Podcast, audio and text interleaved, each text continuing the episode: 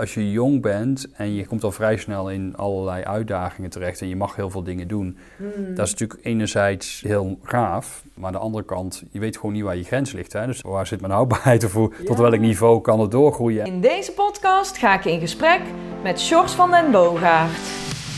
Welkom en goed dat je luistert naar deze podcast volop inspiratie over ondernemen in horeca, leisure en hospitality. Mijn naam is Miriam Ermes. Ik ga in gesprek met ondernemers en managers uit de allerleukste branche over blunders en succesgeheimen. Met waardevolle praktische tips hoe jij de verwachtingen van jouw gasten kunt overtreffen.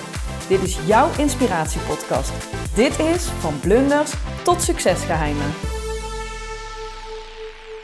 Welkom Sjors en uh, dankjewel dat je me hebt uitgenodigd in het Philipsstadion, de thuisbasis van PSV. We gaan met elkaar in gesprek voor mijn podcast van blunders tot succesgeheimen. En superleuk dat je te gast wil zijn. Uh, zou jij je allereerst even kort kunnen introduceren? Dus wie ben je en wat doe je? Ik ben Sjors van der Boogaard, ik ben 44 jaar, woon in uh, Volkel uh, in onze droomboerderij momenteel, samen met Michiel en een tweeling van 4 jaar oud.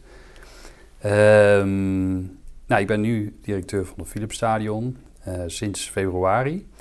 Uh, ja, ik zal ook wel iets vertellen over mijn achtergrond? Of, uh... Nou ja, dat mag. Daar gaan we straks nog wel stap voor stap doorheen hoor. Dus uh, ik zal wel eventjes uh, terug naar je studie volgens mij. Hè? Dan gaan we van vooraf aan beginnen in jouw carrière. Want jij bent volgens mij, heb ik gestudeerd aan de Hoge Hotelschool? Ja, ja, ik heb eerst de tijd economie gestudeerd.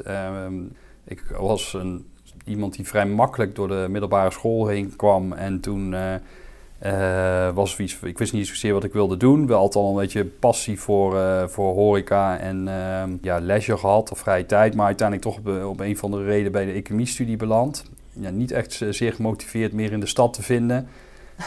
en na, maar na een paar jaar economie studeren toch nog overgestapt naar de hotelschool. Dus ik heb daar het eerste twee jaar in, in, in één jaar gedaan. Omdat ik natuurlijk al vakken gehaald had. En welke hotelschool heb je gedaan? Ook hotelschool in Maastricht. Ah. Daar, uh, daar na drie jaar uiteindelijk gezeten en de opleiding behaald. En wat heb je daarna gedaan? Ik ben na uh, de hotelschool, mijn laatste stage was bij een internationaal uh, evenementen-congresbureau eigenlijk. Een heel klein bureautje waar een man of vijf werkte die eigenlijk de hele exclusieve dingen deed. Met name voor de Europese Commissie en de multinationals, hele exclusieve feesten, mm -hmm. hele exclusieve congressen. In Nederland? ja, in Europa eigenlijk. Oké. Okay. Dus had ik als stage gedaan, als mijn laatste stage. Toen ik afgestudeerd was, kwam vrij snel 9-11. En toen lag eigenlijk heel die markt uh, ja, compleet op zijn gat. Ja. Dat was de tijd, uh, dus kun, ja, kunnen we ons nog herinneren van... als één koffer op een vliegveld bleef staan, werd het hele vliegveld afgesloten. Mm. En Amerikanen durfden niet meer te reizen. Ja. En ik weet nog bij het bureau waar ik werkte toen, in mijn stage... daar was die deed iets van 24 evenementen per jaar. Er was gewoon een derde was de week na 9-11 ge gecanceld. En ja. dat had echt een mega impact. Dus ik ben eigenlijk weer thuis gaan wonen met mijn ouders. Uh, het was toen een lastige tijd om werk te vinden. En zeker in de hoek waar ik toen wilde gaan werken, daar was niks. En al, Jij wilde in de evenementen Ja, blijven. internationaal eigenlijk liefst. Ja. ja. En toen uh, ben ik eigenlijk weer gaan werken bij mijn vroegere bijbaantje bij Hemelrijk, een park in de Volkel. Ja. Billy Bird Park Hemelrijk heet het tegenwoordig. Mm -hmm. En die eigenaar had eigenlijk al meteen gevraagd, uh, toen ik van school afkwam, van ja, wil je niet mijn eerste parkmanager worden? Want Um, want ik heb, uh, ja, eigenlijk meerdere parken gaan ontwikkelen. En uh, ja, dan het bestaande park moet dan iemand anders maar overnemen. Ik was daar in eerste instantie niet heel enthousiast over. En ik denk, ja, ze gaan daar nooit loslaten. Hè, dus welke ruimte krijg ik daar in die functie? Want zij woonden zelfs op dat park. Oh jee. Um, en ik had nog steeds natuurlijk dat internationale, internationale baan voor ogen. Dat is wel echt dus iets daar, anders. Dus ik ben wel een half jaar daar... Uh, eigenlijk was ik daar gewoon wel aan het werk, maar gewoon als een soort bijbaantje om toch iets te, te doen te hebben tussen het solliciteren door. Uh, maar goed, na een half jaar heb ik toch besloten om de dacht van ja, ik wil ook wel echt iets uitdagends gaan doen om toch op het aanbod in te gaan. Mm -hmm. Dus toen ben ik daar begonnen als parkmanager. En, okay. het, en het was eigenlijk wel heel leuk, omdat zij ook het ook wel echt los konden laten. Oh, mooi. Voor, uh, ze gingen ook echt voor de eerste keer op vakantie langer en uh, gaven me echt die verantwoordelijkheid. En het park groeide toen ook best wel snel. Mm -hmm. Het is toch een park wat toen 300.000 bezoekers had. Uh, en uh, met, uh, met topdagen van 10.000 plus op Zo. het strand. En, dus het was voor een jonge manager die toen was, was het echt een hele mooie eerste leerschool. Um, omdat ik veel, vrij veel in de praktijk kon leren. Sowieso liet hij me gewoon heel veel doen. Uh, maar ook wel, ja, ze hadden ook best wel veel ervaring en uh, kon ik ook wel echt veel van hun uh, overnemen. Mhm. En toen na 2,5 jaar, toen merkte ik ook wel van goed, een volkool, ik hoef altijd weer een volkool bij de oude baantje, ik wilde toch wel verder. En toen ben ik gaan solliciteren ehm, op een vacature die ik toen zag bij Sportium. Ja. En uh, toen ben ik uiteindelijk overgestapt naar, naar Libema. Daar heb ik Ah. uiteindelijk dan 13 jaar uh, gezeten. Toen al. Ja. Dus je ging eigenlijk van internationale allurebaan, zeg maar, door 9-11 ging je naar Hemelrijk, hè, Ja. Billy Bird. Heel lokaal, denk ik, of regionaal eigenlijk. Hè? Ja, lokaal, regionaal zeg ja, maar. Ja. En toen daarna naar Libema. Ja, daarna naar Libema. Ik heb inderdaad later nog wel lang gedacht van ja, ga ik weer de internationale stap nemen. Maar ben ik eigenlijk op deze trein beland. Ja. Deze is me eigenlijk wel goed bevallen. Mhm. Dus toen bij uh, Libema, Sportium, uh, was toen een grote uh, sport- en leisure locatie met fitness, zwembaden, ijsbanen, sporthallen, et cetera. Toen wel een lastige tijd met de gemeente. Het was een soort PPS-constructie waarin Libema eigenlijk de exploitatie deed en het deel van het vastgoed had. De gemeente Den Bosch het belangrijkste aandeel in het vastgoed had. Het was natuurlijk Mm. best een ingewikkelde constructie. Uh, waar best ook wat ruis uh, op de lijn was toen.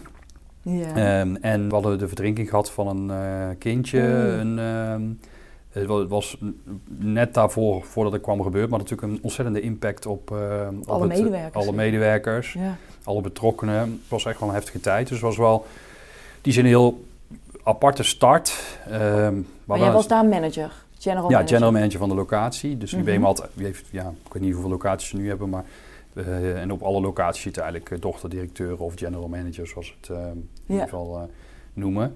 Maar wel een locatie waar veel speelde, waar je natuurlijk wel ook veel weer kon leren en ook kon laten zien wat je kon. Ja. Ja, dus uiteindelijk uh, heb ik daar wel veel kunnen doen en ben ik van daaruit overgestapt naar Beekse Bergen. En als je bij Libema general manager bent, wat, waar ben je dan allemaal verantwoordelijk voor? Want ze hebben natuurlijk ook een, best wel een grote Holding. holding nog inderdaad. Maar ben je dan vooral verantwoordelijk voor de operatie? Of Ja, ik weet niet Omzet? precies. Er zijn wel wat in de tendens in de tijd geweest, maar je bent eigenlijk wel sowieso operationeel verantwoordelijk en ook verantwoordelijk voor het gastresultaat, zoals ze dat dan uh, noemen. Oh ja. Je hebt natuurlijk een medewerkersresultaat, dus tevredenheid van medewerkers is natuurlijk een heel belangrijk onderdeel. En je hebt natuurlijk een heel belangrijk onderdeel in het financieel resultaat. Natuurlijk ligt, Ja. ligt er, is er ook een centrale commerciële afdeling waar, die natuurlijk ook meewerken aan het financieel resultaat. Um, maar je, je beoordeling was altijd gericht op uh, zowel financiële uh, KPI's, of Ja. we nu zeggen, gast-KPI's en ook wel je medewerkers ja. KPI's, zeg maar. En van daaruit, want je bent van Sportium naar Beeksbergen gegaan. Ja. Uh, ben jij toen general manager van Beekse Bergen of had jij al meteen de stap gemaakt naar... Nee, ik ben eerst... Uh, het, het was Beekse Bergen nog verdeeld in eigenlijk de verblijfstak ja. en Safari Park. Mm -hmm. dus eigenlijk de, zeg maar de dagrecreatie Safari Park Speeland. Het evenementterrein was toen nog extern verhuurd, grotendeels. Mm -hmm. En ik ben eigenlijk begonnen met alleen het Safari Park, een Speeland zeg maar. En uh, mijn collega uh, Robert van Overdijk, die zit overigens nu bij het circuit, die deed toen eigenlijk de verblijfskant. Um, en uh, dus hadden we met z'n tweeën hadden we gewoon onze eigen teams. Ja, ja. ja, dat heb ik een aantal jaar gedaan en toen is er bij Libema op een gegeven moment een reorganisatie geweest. Waar eigenlijk het aantal general managers is toen verkleind. Mm -hmm. En toen is Robert naar de Brabanthallen gegaan en ben ik Beekse Berg in zijn totaliteit gaan doen. Dus ah, inclusief okay. zeg maar de verblijfstak. En over welke jaren heb je het dan? Want dan heb je het eigenlijk nog maar over één resort, denk ik, hè? Of in ieder geval één vakantiepark. Ja, dat was Ja. toen in de tijd. Ja, ik ben altijd heel slecht in die jaren, maar in, ik heb volgens mij zes jaar in totaal op Beeksbergen rondgelopen. En dat was ongeveer de helft van het totaal en was van het onderdelen Safari Speeland. En dat was nog in de tijd, het resort was toen nog niet in aanbouw. Nee, hè? Ik ben daarna directeur geworden binnen Libema van de vakantie- en attractieparken. En toen ik op Beekse zat, waren er al veel voorbereidingen in bepaalde tijden dat het ja, heel erg actueel was en ook weer wat wegzakte omdat er andere prioriteiten waren binnen het concern. Maar toen eigenlijk in die vier jaar uh, dat ik directeur was, toen is met name de laatste drie jaar is toen eigenlijk echt de hele opmaat geweest naar het resort wat het toen. Uh, en jij was net was. niet meer bij de opening dan? Jawel. Oh, wel. Het is in april uh, geopend, als ik het goed heb, begin april. En ik ben uiteindelijk bij 1 november dat jaar ah. bij Libema weggegaan. Dus dan is er wel heel veel gebeurd in de tijd dat je bij Libema zat? Ja, zeker ja. Heel veel ontwikkelingen meegemaakt. Ja, ja, dus naar het resort, maar ook we hebben toen de Zodiac Zoos overgenomen ja. uit uh, faillissement. Uh, dus er waren drie dierentuinen waarvan we er twee uiteindelijk door zijn gaan exploiteren en een nieuw masterplan gemaakt. Wat is uitgevoerd, uh, wat later natuurlijk in de tijd ook nog een keer is bijgesteld, maar wat dus twee bedrijven eh, bijgekomen toen. Ehm, dus ja, dat is een heel dynamische tijd geweest. Ja, ja. En vanuit de Libema ben je naar Snowworld gegaan? Of er zat nog iets tussen? Nee, hè? nee, ik ben op een gegeven moment had ik wel zo- zoiets van de laatste ehm, periode bij Libema van, ehm, ja, ik had al 13 jaar, want ik wil ook een keer wat, ik sta op een gegeven moment wel open voor wat anders. We hebben toen, uiteindelijk heb ik twee kinderen gekregen samen met Michiel, ja, in ieder geval met een draagmoeder uiteindelijk dan natuurlijk. en, eh, en ook wel, het was een heel intense eh, tijd bij Libema. Mhm. Maar ik kon me ook bijna niet voorstellen van hoe ga ik het leven eigenlijk inrichten met kinderen in, in die trein die ik toen, ha- toen zat. Ja. En ehm, ja, we speelden bij die BEMA ook wel de vakantie- en attractieparkdivisie was heel groot geworden. Zeker ook ten opzichte van de beurs- en evenementendivisie met het idee van... er moet eh, ook wel een herverdeling komen. En ik heb toen Ja. eigenlijk wel aangegeven dat ik daar niet meer eh, onderdeel van wilde zijn. Ehm, en ik heb nog wel toen nog een tijd uitgewerkt en het overgedragen aan twee collega's van mij, zeg maar, die in mijn team zaten. Die uiteindelijk ehm, ieder een deel zeg maar, van het, de, dus één heeft vakantieparken als directeur overgenomen, één heeft eh, attractieparken als, eh, als deel overnomen. Leen, eh, die ook in Ja. de podcast zat. En, Ja, klopt. en Niels. Ja. En toen ben ik na een paar maanden gegaan en ben toen eigenlijk een half jaar thuis geweest met de kinderen. Opvolgend eigenlijk aan mijn partner Michiel, die een paar maanden thuis was met de kinderen. Zo hebben we eigenlijk het eerste kleine jaar hebben we ook eigenlijk helemaal zelf kunnen opvangen. Oh, dat is fijn. Ja. Ja, ik, achteraf gezien eh, was dat gewoon een fantastische tijd. Hè, dat je dan even zo, eh, ja, zo... Even een sabbatical. soort van, ja, sabbatical inderdaad. En ook wel heel erg, ja, in- heel dicht bij die kinderen dan was. Ja. Ook enorm veel tijd eh, mee kon besteden. Dus daar heb ik toen eigenlijk een, ja, een half jaar gedaan. En toen ben ik wel weer gaan kijken, wat wil ik gaan doen? En toen ben ik in eerste instantie eh, voor drie, drieënhalve dag interimwerk gaan doen. En ja, ben ik een jaar interim manager geweest bij De Baak, de Baak Opleidingsinstituut. Mhm. Die hebben twee eigen eh, locaties, een landgoed in Driebergen en eh, een hotel in Noordwijk. En daar, ehm, daar heb ik een jaar eigenlijk zeg maar de, de directrice van het hele hospitality gebeuren van hun heb ik ondersteund om ook te werken aan een nieuwe masterplanning. En, ehm, en dat ook te vertalen in concrete projecten en ook een aantal organisatorische verbeterslagen eh, Ah. door te voeren. Jij kon eigenlijk natuurlijk vanuit jouw verleden kon je natuurlijk heel veel hospitality inbrengen. Ja, en ik kon Ja. ook heel goed. eh, Heel, ik had een, met Gwendoline Stinkers, heet zij ze. Ik had een enorm goede klik met haar. En we, eh, ja, we, we hadden een goede klik in die zin, maar we waren ook voldoende verschillend. Zodat ik ook goede toegevoegde waarde kon hebben. Ah ja. ja. En, eh, en ook eh, met Alex, de facilitair verantwoordelijke. Dat was eigenlijk een heel mooie, mooie tijd. En voor mij ook een tijd dat ik vanuit ja, niet werken weer een beetje naar 3,5 dag ging. ja, was een mooie Ja. overgang. en ook wel heel leuk om een keer in een, toch een ander... Ja, er zat natuurlijk wel hospitality in, maar het is eigenlijk in wezen een leerbedrijf. Ja. Ja, niet Eh, direct gastcontact. en, Eh, eh, nee, nou ja, dus ook heel een andere cultuur te werken. Ik was natuurlijk altijd gewend in, in, in recreatie- of leisurebedrijven te werken. Ja, En nu is het natuurlijk, waren het ook gewoon hotels, maar de, het was van een leerbedrijf. ja. Die een vrij groot leerbedrijf, eh, leerinstituut. En dat geeft ook een heel andere cultuur. ja, een andere dynamiek. Een ander tempo Ja. dan ik gewend was. Wel meer verdieping. Ehm, dus dat is ook alweer heel leerzaam geweest Ja. eigenlijk. eh, om ook weer een gedeelte van die cultuur weer te begrijpen. En je daar ook weer aan te moeten aanpassen. En eh was een heel leuke tijd. Ja, maar voor jezelf ook. Want je gaat eigenlijk van eh divisiedirecteur met heel veel parken, attractieparken. Ja, je kan niet opnoemen, alles van die BEMA viel bijna onder jou. En dan ga je in één keer afschalen Ja, en dan weer een beetje rustig aan opbouwen. ja, ja dus Dat is het eigenlijk wel mooi, geweest. Ja, het is ook wel mooi geweest, maar dus, aan de andere kant ook wel van als je jong al zo op bepaalde posities terechtkomt, had ik ook wel, ik had ook zoiets van, ja, soms moet je ook even weer gas terugnemen om te weten wat je überhaupt wil. Wil, Want je zit ja. vaak ook heel diep in, ja, druk, veel prikkels. Er is altijd, de, de, de, de volgende dingen dienen zich vanzelf aan, hè, want je zit in een Mm. bepaalde flow. Ja, En ik denk dat het dan ook wel heel fijn is om gewoon, sowieso de gezin was daar, hè, dus je moest ook wel, eh, dat, en die wilde ik ook heel graag daar tijd in steken. Maar op een gegeven moment merk je ook wel, als je het ene afsluit op een mooie manier, gelukkig ook, dan, ja, dan gaan daarna ook weer andere dingen, in je- zaken, je hersenen in je hoofd werken en, ja. en krijg je ook weer andere behoeftes. Ja. En ehm, ja, heb zo je is veel meer ruimte om Ja, ja, te kijken wat je eigenlijk echt wil. Ja, en het Ja. is ook wel, als je in Nederland wil blijven, dan, dan is natuurlijk Libbe maar een van de grootste bedrijven al. Hè? Dus het is natuurlijk niet per definitie logischer dat je dan maar weer naar een groter bedrijf Nee. gaat. Of, eh, Nee. ehm, dus eh, en ik heb altijd wel de keuze uiteindelijk wel gemaakt van ja goed, ik, vrienden en familie zijn mij dierbaar. Ehm, dus ik wil eigenlijk wel gewoon in de buurt blijven wonen waar ik nu woon. Hè? Ja. Ik bedoel, als je vertrekt bij die BEMA zijn er ook wel ja, mensen of partijen die zich melden om, om te praten over een buitenlands avontuur. Maar ja, ja, daar heb ik, eh, ja, daar heb ik eigenlijk nooit echt serieus overwogen. Nee, nee, nee. Gewoon lekker thuis in Nederland.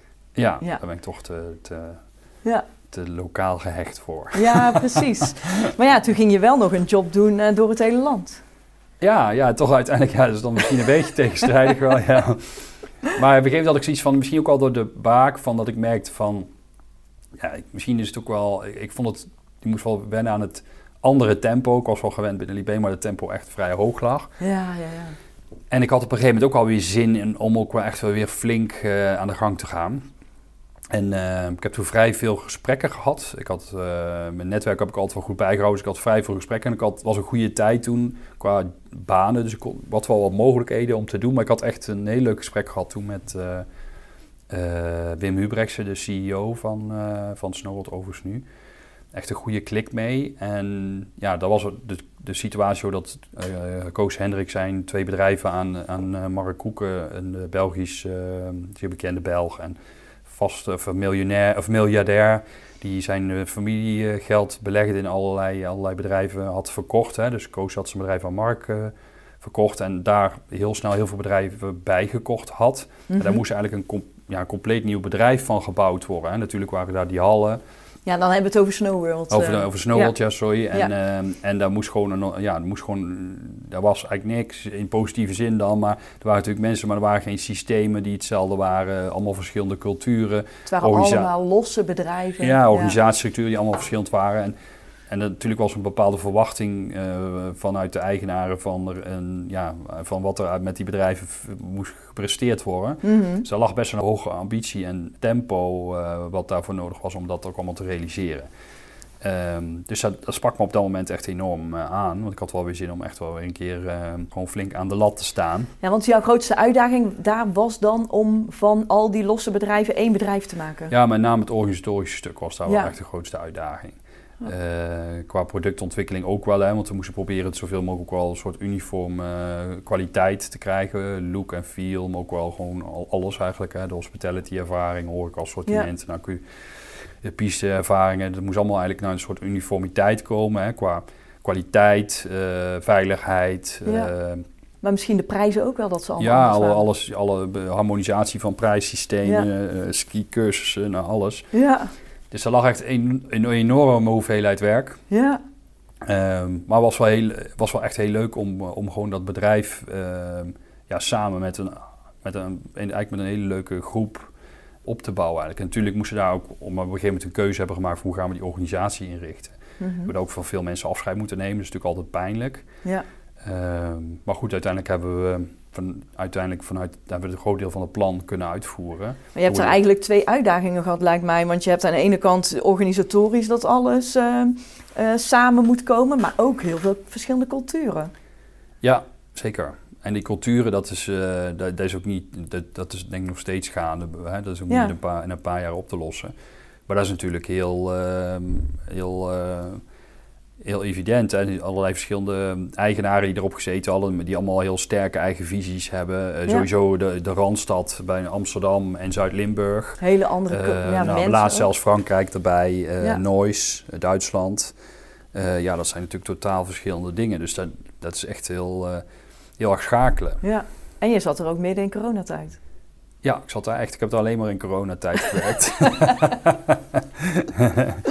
Ja, dus dat was, eh, was echt zeer dynamisch. En eh, ja, de- iedereen weet het denk ik wel, hè, van dat je op vrijdagavond eh, de persconferentie hebt en twee uur later zit je met eh 15 man in een call die daarna calls hebben met hun teams. Dus Oh, dan ja. wordt er eigenlijk eh, 60 man aan het werk gezet om dan de volgende zaterdag om eh, 10 uur s ochtends zeg maar alles veranderd te hebben. En Omdat dan de gasten moeten komen volgens de nieuwe Ja, nieuwe protocollen. en, Nieuwe eh, protocollen en regels, ja. Dus Ja. dat is echt wel bizar. Aan de andere kant leer je er veel van in de zin dat je, ja, hoe, de, de snelle manier van communicatie en ook dat, ja, uiteindelijk natuurlijk veel, je veel makkelijker dingen kunt veranderen en veel sneller dan je ja. normaal gewend was. Dat eigenlijk, leer je dan wel, hè? En systemen gaan waarschijnlijk sneller op elkaar. eh, Ja, je wordt ook wel gedwongen andere systemen aan te nemen die ook in die tijd mee konden. Ja. En uiteindelijk heb je daar denk ik nog heel veel baat bij. Ja, precies. Ja. Het is gewoon- ook wel ergens goed voor geweest. Zeker. ja, zeker. Ook veel. Het heeft het, bij Snowboard was het, ja, heeft, heeft het natuurlijk een mega impact gehad. Maar eh, Ja, ehm, het, eh, het heeft, het heeft zeker ook zeker voor je organisatie ook wel wat opgeleverd, ja. Ja. Hey, en toen uh, na coronatijd, toen dacht je van, nou, uh, ik vind het wel leuker om weer dichter bij huis te gaan werken? Of. Nou ja, eigenlijk was het um, zo dat we natuurlijk vestigingen in Frankrijk hadden, in Duitsland. En er waren nog wat, wat vestigingen in de pijplijn. En de tijd dat er geen corona was, dat was er sowieso natuurlijk, had ik ook enorm veel met files te maken. En, uh, en, ik bleef ook wel vaak in hotels.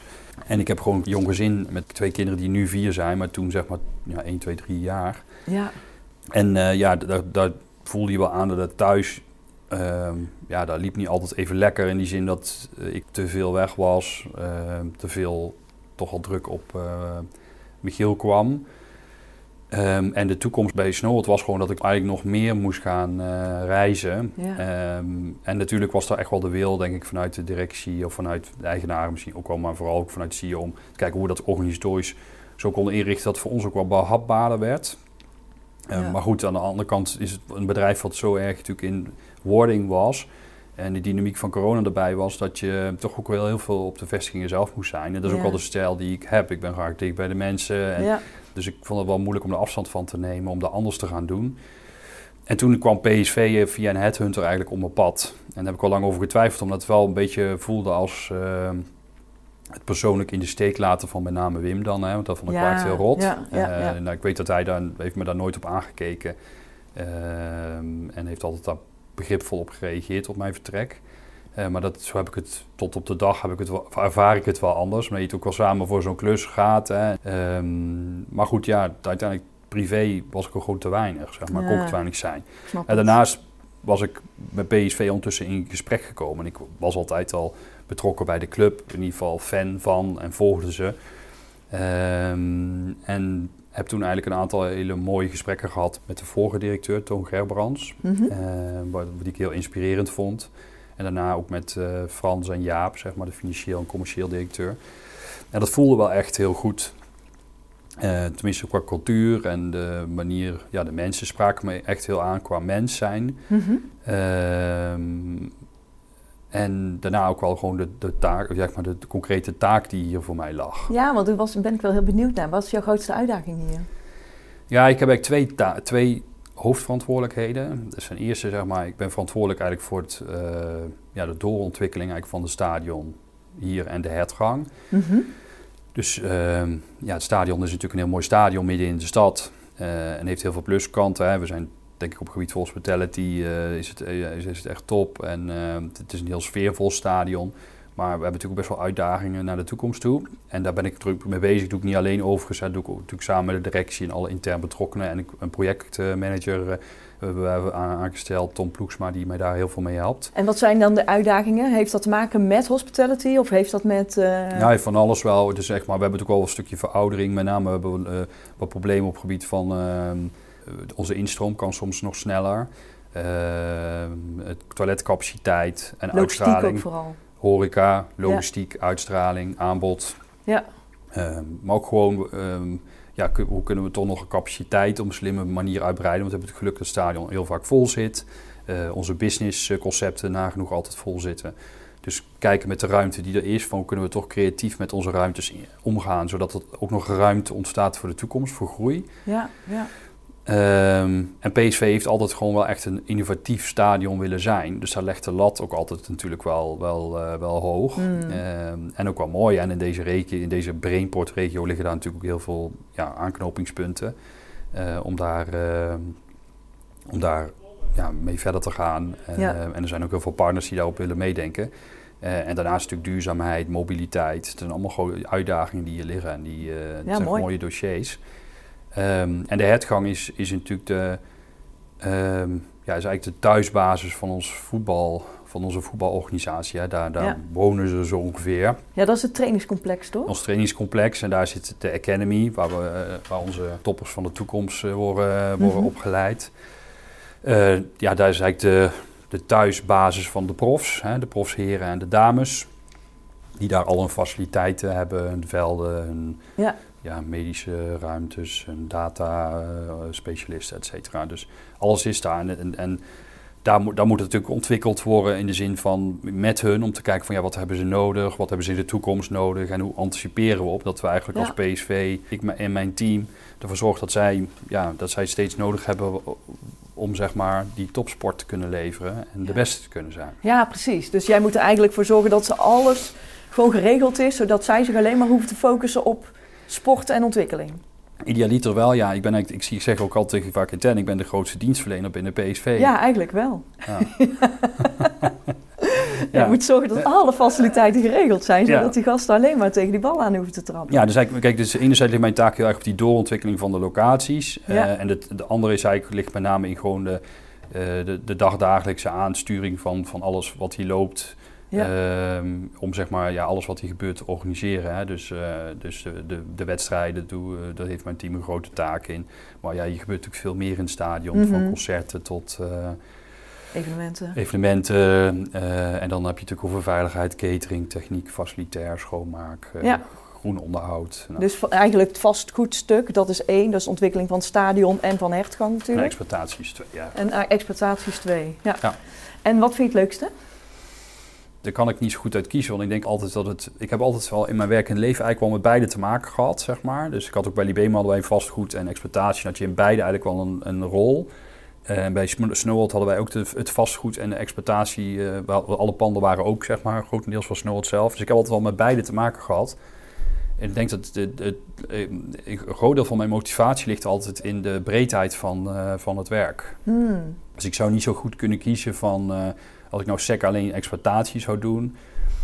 ehm, of SEC alleen vastgoed. Ik denk dat, dat ik die combinatie gewoon echt. Ja, ik vind die combinatie gewoon heel leuk. Ja. En ik denk ook van wil je goed kunnen exporteren, van, dan is het ook heel fijn als je weet. Als je ook een rol hebt in het vastgoed, hè, want je ontwikkelt dit vastgoed of dit, dit prachtig object om het ook zo goed mogelijk te kunnen exporteren voor alle processen die ik doe. Maar ik moet ook proberen dat te kijken dat PSV-organisatie hier zoveel mogelijk geld aan kan verdienen, zodat het voetbalbedrijf zo optimaal mogelijk kan lopen. Ja. Dus, dus dat is een heel mooie rol. En heb je dan ook, eh, als je eh, in gesprek bent voor een nieuwe job of weet ik veel wat, of als je denkt van nou, eh, ik ben toe aan iets anders, dat je dan bewust of onbewust ook kijkt naar jobs met exploitatie en vastgoed? Of ontstaat dat gewoon? Ehm, Was dat hier al, vond je dat hier een pre of zo?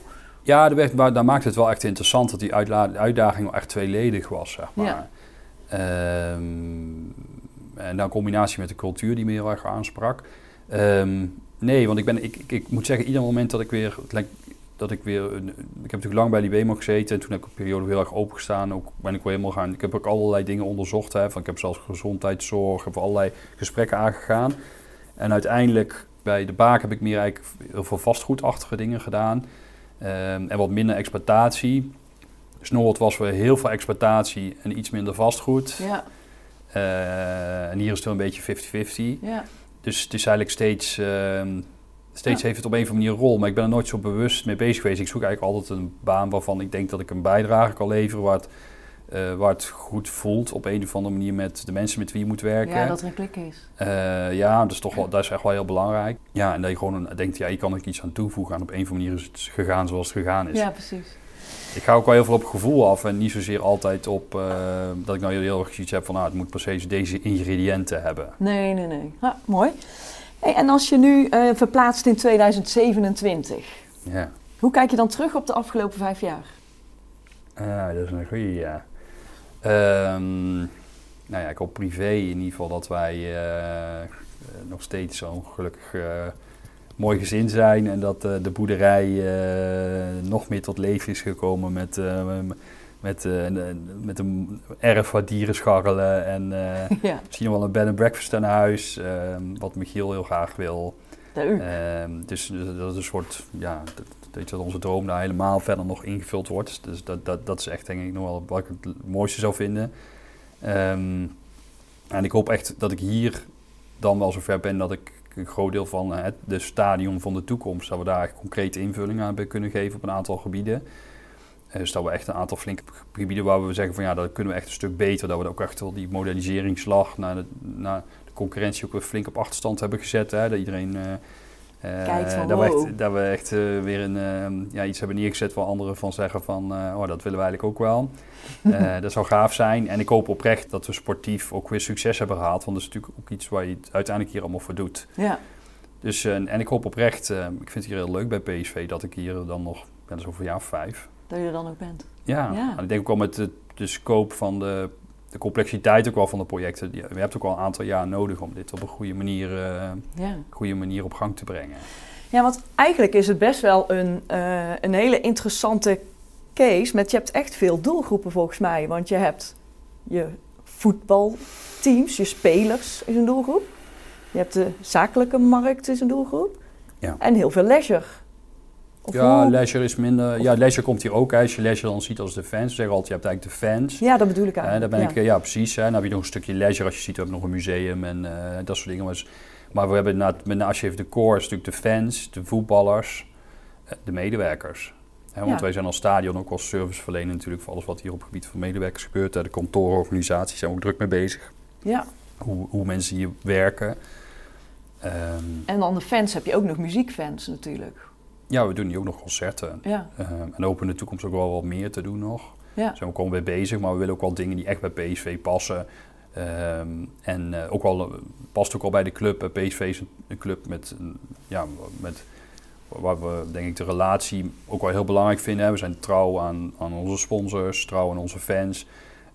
We doen al 15 jaar concerten met Guus Meeuwis. Het past, dus we willen wel iets toevoegen, maar dan moet het ook iets zijn wat, wat past bij de club. En waar we ook, Ja. we ook weer met het idee, we gaan, een lang, we gaan dat ook weer voor de lange termijn doen. Dus daar zijn we al mee bezig. ja, dus niet te veel ad hoc dingetjes eh, die het verstoren dan misschien. Nou ja, ik denk dat het gewoon... eh, kijk, sowieso als je het dan even over een specifiek concert hebt... er zijn altijd enorme producties. Dus vaak is dat, voor, ehm, eh, is dat wel fijn als je dat voor, gewoon sowieso samen voor meerdere jaren Ja. doet. Hè? Kan je dingen ontwikkelen en investeren samen. Ja, Ja. en dan, dan, dan, dan kun je ook iets opbouwen naar de toekomst toe. Ja. En ik denk dat het ook heel goed, bij, nogmaals, goed bij PSV, eh, bij PSV past. Maar daar zouden we ook nog wel wat meer willen doen. Daar zien we ook al wel ruimte toe. We zien voor het grasonderhoud. Hij heeft ons geleerd in de tijd dat we dat ook wel in wat kortere periodes kunnen doen in de tijd dat we niet spelen. Wat ons ook weer wat extra ruimte geeft om wellicht Oh. in de toekomst daar nog wel meer dingen in te gaan doen. oh, dus daar heb je ook geïnnoveerd eigenlijk. Eh, nou, met name moet ik zeggen dat er is sowieso in die graswereld best wel veel innovatie gaande. Ehm, en er is ook wel ervaring vanuit onze gasleverancier van hoe snel hij, hij zeg maar een mat kan opleveren die Ja. ook wel snel speelklaar is. Oké, en dan geeft je weer ruimte om meer dingen te Ja, organiseren. Ja, ja. Nou, je ziet dat we nu bij, eh, de Ajax doet het ook hoor, maar bijvoorbeeld eh, in het Stade de France dit jaar met die Champions League finale, daar, daar was volgens mij de, de dag ervoor of was nog een concert en daar werd Oh, gewoon wow. dezelfde nacht nog een nieuwe grasmat ingelegd. Jeetje. Ja. Knap. Dat ging in ieder geval heel snel. Ja, en ehm, waar ben jij het meest trots op? Ehm, nou ja, ik denk als ik het meest trots ben, ehm, ik vind al als zakelijke privé, hè, bedoel, privé is natuurlijk altijd heel cliché, maar dat is toch natuurlijk je, je gezin, hè, maar dat is dan de, dat is denk ik wel waar je altijd het meest trots op bent, waar je meest trots momenten uithaalt. Hè, als je je kinderen ziet lachen of je- er gebeurt iets op school of eh, ze zeggen iets. eh, dat is natuurlijk iets waar je het meeste trots op bent. Of je ziet je eigen partner lopen en je denkt, nou, daar ben ik wel heel trots op dat hij hier bij mij woont. en wil blijven wonen. Maar qua werk, eh, ik ben altijd wel het meest trots als ik nou terug, terug op de dingen, toch de teams die je achterlaat. Hè. Ik vind het echt oprecht gaaf van als eh, managers die ik in mijn team heb aangenomen, als ik zie wat die nu doen. Eh, of, of hoe teams nog, nog steeds intact zijn. Hè, of dingen die je Mhm. hebt opgebouwd. Daar ben ik het meest vaak trots op. En soms ook hele tastbare dingen, zoals eh, het resort. Ben ik altijd nog wel. Ik ben sowieso op Beekse Bergen. Dan merk ik wel dat. Ik ben zes jaar dan GM geweest. En daarna nog via directeur. Dus ik heb tien jaar een soort van betrokkenheid gehad met Beekse Bergen. Ja, dat park is natuurlijk zoveel gebeurd. Ja, dat is Eh, en, en ja, daar ben je natuurlijk wel echt heel trots op. de rol die, je- die bescheiden rol die je daarin dan hebt mogen spelen. En eh, bij, bij Snoort misschien hoe, hoe snel we eigenlijk een soort organisatie op hebben kunnen zetten. ja. Eh, die, ja, daar ging met horten en stoten. En daar heeft mijn op- opvolger ook nog echt nog wel veel werk aan. Maar ja, dat moest echt natuurlijk onder eh, stoom en kokend water. ja. Ehm, maar het is toch gelukt om naar een holding met 65 man op te tuigen. Op een compleet nieuwe plek en een hele nieuwe organisatiestructuur. Ja, daar ben ik dan wel trots op. En vind je het dan ook fijn, net als als je dan echt mensen klaarstoomt om een bepaalde, om jouw rol over te nemen? Of Ja, om, ja, eh, ja. ja, ik probeer altijd wel. Ik, ben, ik, ik denk als je jong bent dat je altijd denkt van, oh, daar kun je, dan ben je een beetje van de afdeling, eh moet niet te bedreigend worden allemaal. Maar op een leer je ook wel heel snel. Je moet eigenlijk zo goed mogelijke mensen om je heen verzamelen. Ehm, omdat die uh, een groot deel ten eerste jouw succes bepalen hè? En, en ook het werk uh, ja, als afdeling vooruit stuwen natuurlijk. En um, zolang je mensen ook de ruimte geeft en ze mogen groeien, uh, zijn ze vaak ook gewoon het meest gemotiveerd. Ja. ja. Dus het is heel mooi om te zien dat, dat bijvoorbeeld Leen uh, of Niels, of, en zo kan ik al meer mensen noemen die uiteindelijk ook. Serena is nu bij, Libe, bij Libema ook doorgegroeid naar divisiedirecteur. Ja, dat is een hartstikke mooi, vind ik hartstikke mooie dingen voor mensen die jezelf bij de. Ja, en, ja. en ben ook bij Snowworld mensen die gewoon die ik heb aangenomen, die op een andere positie zijn begonnen, die ik op GM-functies heb gezet. Ehm, en ook binnen dit team heb ik ook een aantal van die, van die zaken gedaan waar mensen eigenlijk vanuit een medewerkersrol naar een verantwoordelijkheidsrol zijn gegaan als manager of als hoofd. Leuk. Ja, dat vind ik leuke dingen als het dan ook heel goed, uh, goed gaat. En natuurlijk zit je er wel zoiets naast, maar meestal niet eigenlijk. Nee, want wat is dan jouw grootste succesgeheim? Mm, ik denk dat ik uh, goed kan luisteren. Naar de wensen? Of... Nou ja, ik, ik verbaas me altijd hoe weinig mensen echt goed luisteren. Mm -hmm. ja, nee, dat snap ik, want dat is ook echt zo. En ja, dus dat je um, gewoon dicht bij je mensen zit, goed luistert wat er speelt ja. uh, goed inzakt in alle bedrijfsprocessen. Ik denk dat ik altijd ook al veel tijd neem om echt goed te begrijpen wat er gebeurt in een bedrijf, hoe groot het ook is. Dus dat ik de processen snap.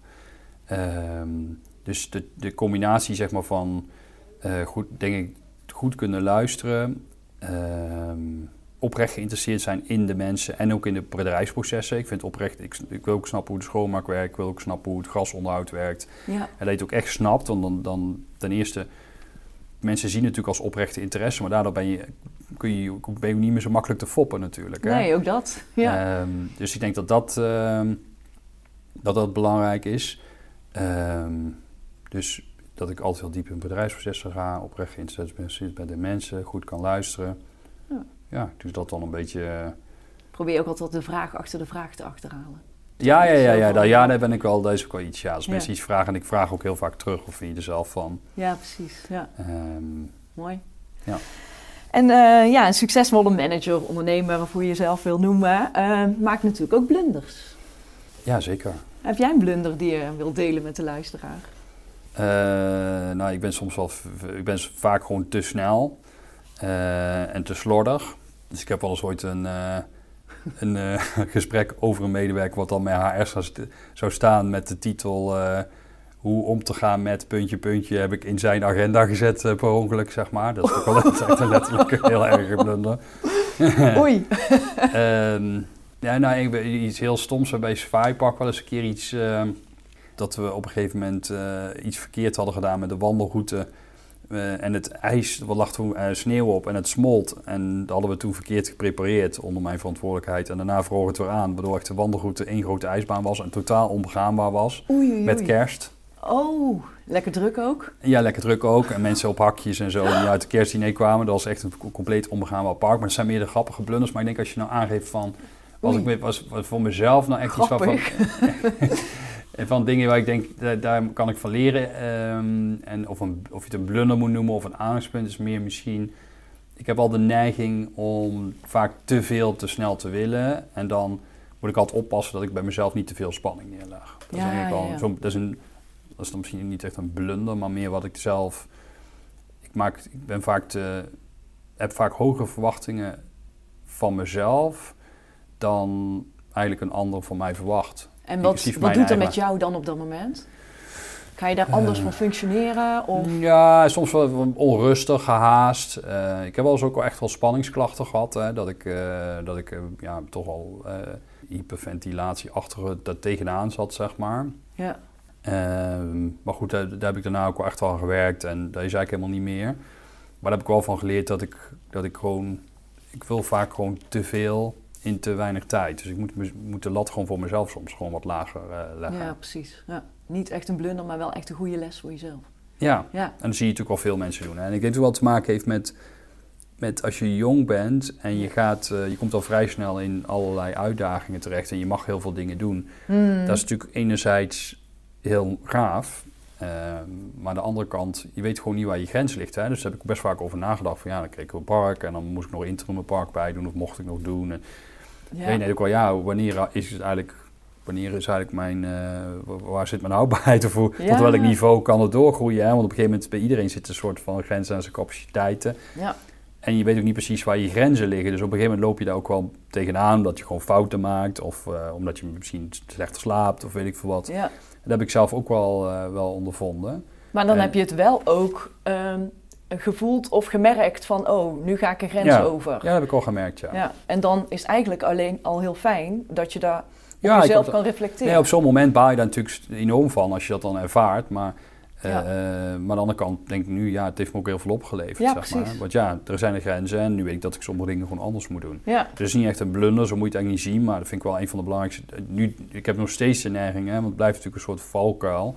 En dus soms zie ik het wel weer als blunder. Dan denk ik, ja, heb ik het weer zo ver laten komen. Die agenda zit ook veel te vol. ja. Ehm, maar dat is gewoon een aandachtspunt waar je dan... eh, maar je bent er waarschijnlijk nu wel sneller achter. Ja, ja, zeker. En dan ben ik veel makkelijker om er gewoon nee te zeggen. Dan gooi ik er gewoon open uit. En dan, eh, Ja, en dan eh, denk ik, ja, dan, voor, dat, ik ga me ook niet meer druk maken wat de ander daarvan vindt. Even plat Nee. gezegd. Hè. Want ik, Even denk, ja, ik agenda moet even aan mezelf, ik moet zelf gewoon in controle blijven. Dat is uiteindelijk ook het belang van mm. PSV en van mijn gezin, zeg maar. ja, ja, van allemaal. En van Ja. jou. Ja. En ehm, wie is jouw groot voorbeeld? Eh, er zijn er misschien toch wel meerdere dan. Ja, ik vind altijd toch mijn vader, als je dan kijkt, die heeft ook een managementfunctie gehad in de zorg, zeg maar. Mhm. Ja, ik vind dat altijd wel heel, eh, ja, een heel complex werkveld eigenlijk. Hè, met, met verstandelijke gehandicapten waar je dan, die in de dagvoorzieningen zaten of woonden. Ehm, ja, van licht gehandicapt tot echt heel zwaar gehandicapt. Ja, ik heb altijd wel veel bewondering gehad van hoe hij daarin in geacteerd heeft, zeg maar. Eh, met ook alle druk van reorganisaties en bezuinigingen. En dat waren altijd van die golven. En ik denk, ja, Mhm. als je dat dan zoveel jaar volhoudt... Ja, En die is ook al op een moment gestopt dat hij dacht van, nou, nu is het, ehm, nu is het ook gewoon mooi en kan ik er ook met trots op terugkijken, maar nu ga ik ook stoppen. En dus hij is eigenlijk net iets gestopt voor zijn pensioengerechtigde leeftijd. Op het moment dat het gewoon ook oké was. Dat vind ik Voor wel heel hem mooi. Hè? Ja, ja, Ja. voor hem fijn, misschien ook wat voor het werk fijn. Zo van, ja, beter dat je op een gegeven moment zegt van, nou, dit is, nu is het klaar. Hè? Ja, ja, ja. ja. Ehm, dus dat vond ik zijn ook- kracht gestopt. is een kracht gestopt, ja. Ja. ja. zo meer, ja. In plaats van dat je dan ja, die laatste jaren toch ja, met moeite naar die finish gaat. Hè? Ja, ja, ja, ja. Dus daar heb ik wel veel bewondering voor. En, en qua werk, ehm ja, is toch wel meerdere. Ik neem toch wel alle. Ik heb echt wel voor hele fijne bazen mogen werken. Ehm, waar ik ook, ook veel van heb kunnen leren. Met Ton Derks, die heb ik echt wel het, het handwerk mogen leren. Hè, van het op, praktische operationele van zo'n park. Die had echt overal een heel sterke visie over. Was dat van Bird? Ja. Ja? En eh, bij, ja, bij Dirk Lips is natuurlijk iemand die op zoveel niveaus eh, tegelijk kan, eh, kan werken Ja, en kan schakelen. Ja. Ehm, en ja, het is natuurlijk heel mooi als je vier jaar zo dicht bij iemand hebt gezeten, waar je dan ja, in, in, waar je dan in dat tempo mee moet of mag denken. ja. Ehm, en die eigenlijk alles heel makkelijk tot een, tot een heel complex probleem, tot een soort eenvoudig ding kan terugbrengen. Dus Ja. daar heb ik wel echt heel veel van geleerd. Mooi. Ik vind Dirk ook zeker wel een voor- voorbeeld.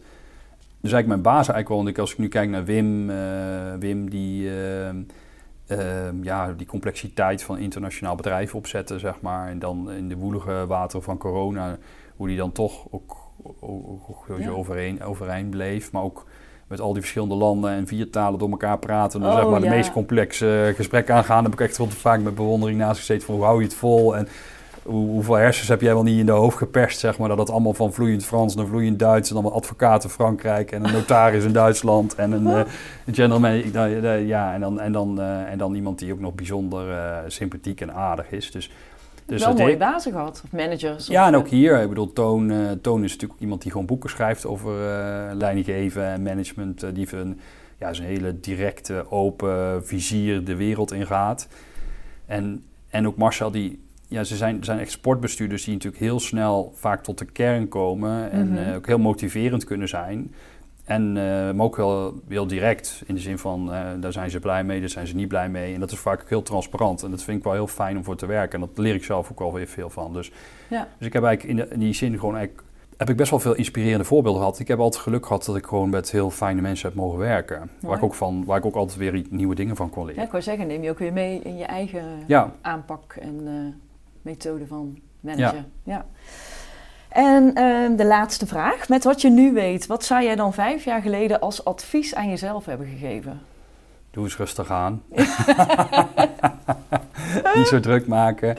En ehm, ja, ik denk dat uiteindelijk, uh, dat, dat is denk ik wat ik mezelf wat advies zou hebben gegeven. Maar aan de andere kant moet je soms ook ervaringen door om ook daar weer lering uit te trekken. Ja. Dus het gaat zoals het gaat. En um, ik heb wel een beetje, het is wat het is, is zo'n uh, beetje cliché. Maar ja, en, en, je moet proberen met wat je als ervaring hebt, dan maar weer daar lering uit te trekken en weer verder te gaan. Hè? Ja. Ja. Uh, dus ik heb niet zoiets van, ik heb spijt van, van dingen die de laatste jaren zijn gebeurd. Ik uh, heb gelukkig ook echt wel veel genoten van, uh, van alle banen die ik heb gehad. Ook al waren ze al, uh, best wel hectisch. Ik vond met name Beekse Bergen dat je natuurlijk net je kantoor om de hoek van de giraffe hebt. Ja, ja dat is natuurlijk wel echt heel bijzonder. En, ja. Uh, ja, bij Snowworld overnames van bedrijven of, uh, of hier ook grote events of de, het hele stadion vol met een Europese wedstrijd waarin een stadion kolk. Ja, het zijn natuurlijk wel hele bijzondere ervaringen. Ja, die je, zeker. waarin je dan echt de voorkant, de achterkant, alles kan zien, ervaren. Dat is echt wel gaaf. Ja. Dus wat dat betreft uh, heb ik gewoon een rijk, rijk leven. Ja, gaaf. Maar je les is dan wel doe eens rustig aan. Om dan Ja, toch alles een beetje... aan, over- en dan heb ik tenslotte nog een paar eh, keuzes slash eh, stellingen. Graag zo kort mogelijk antwoorden.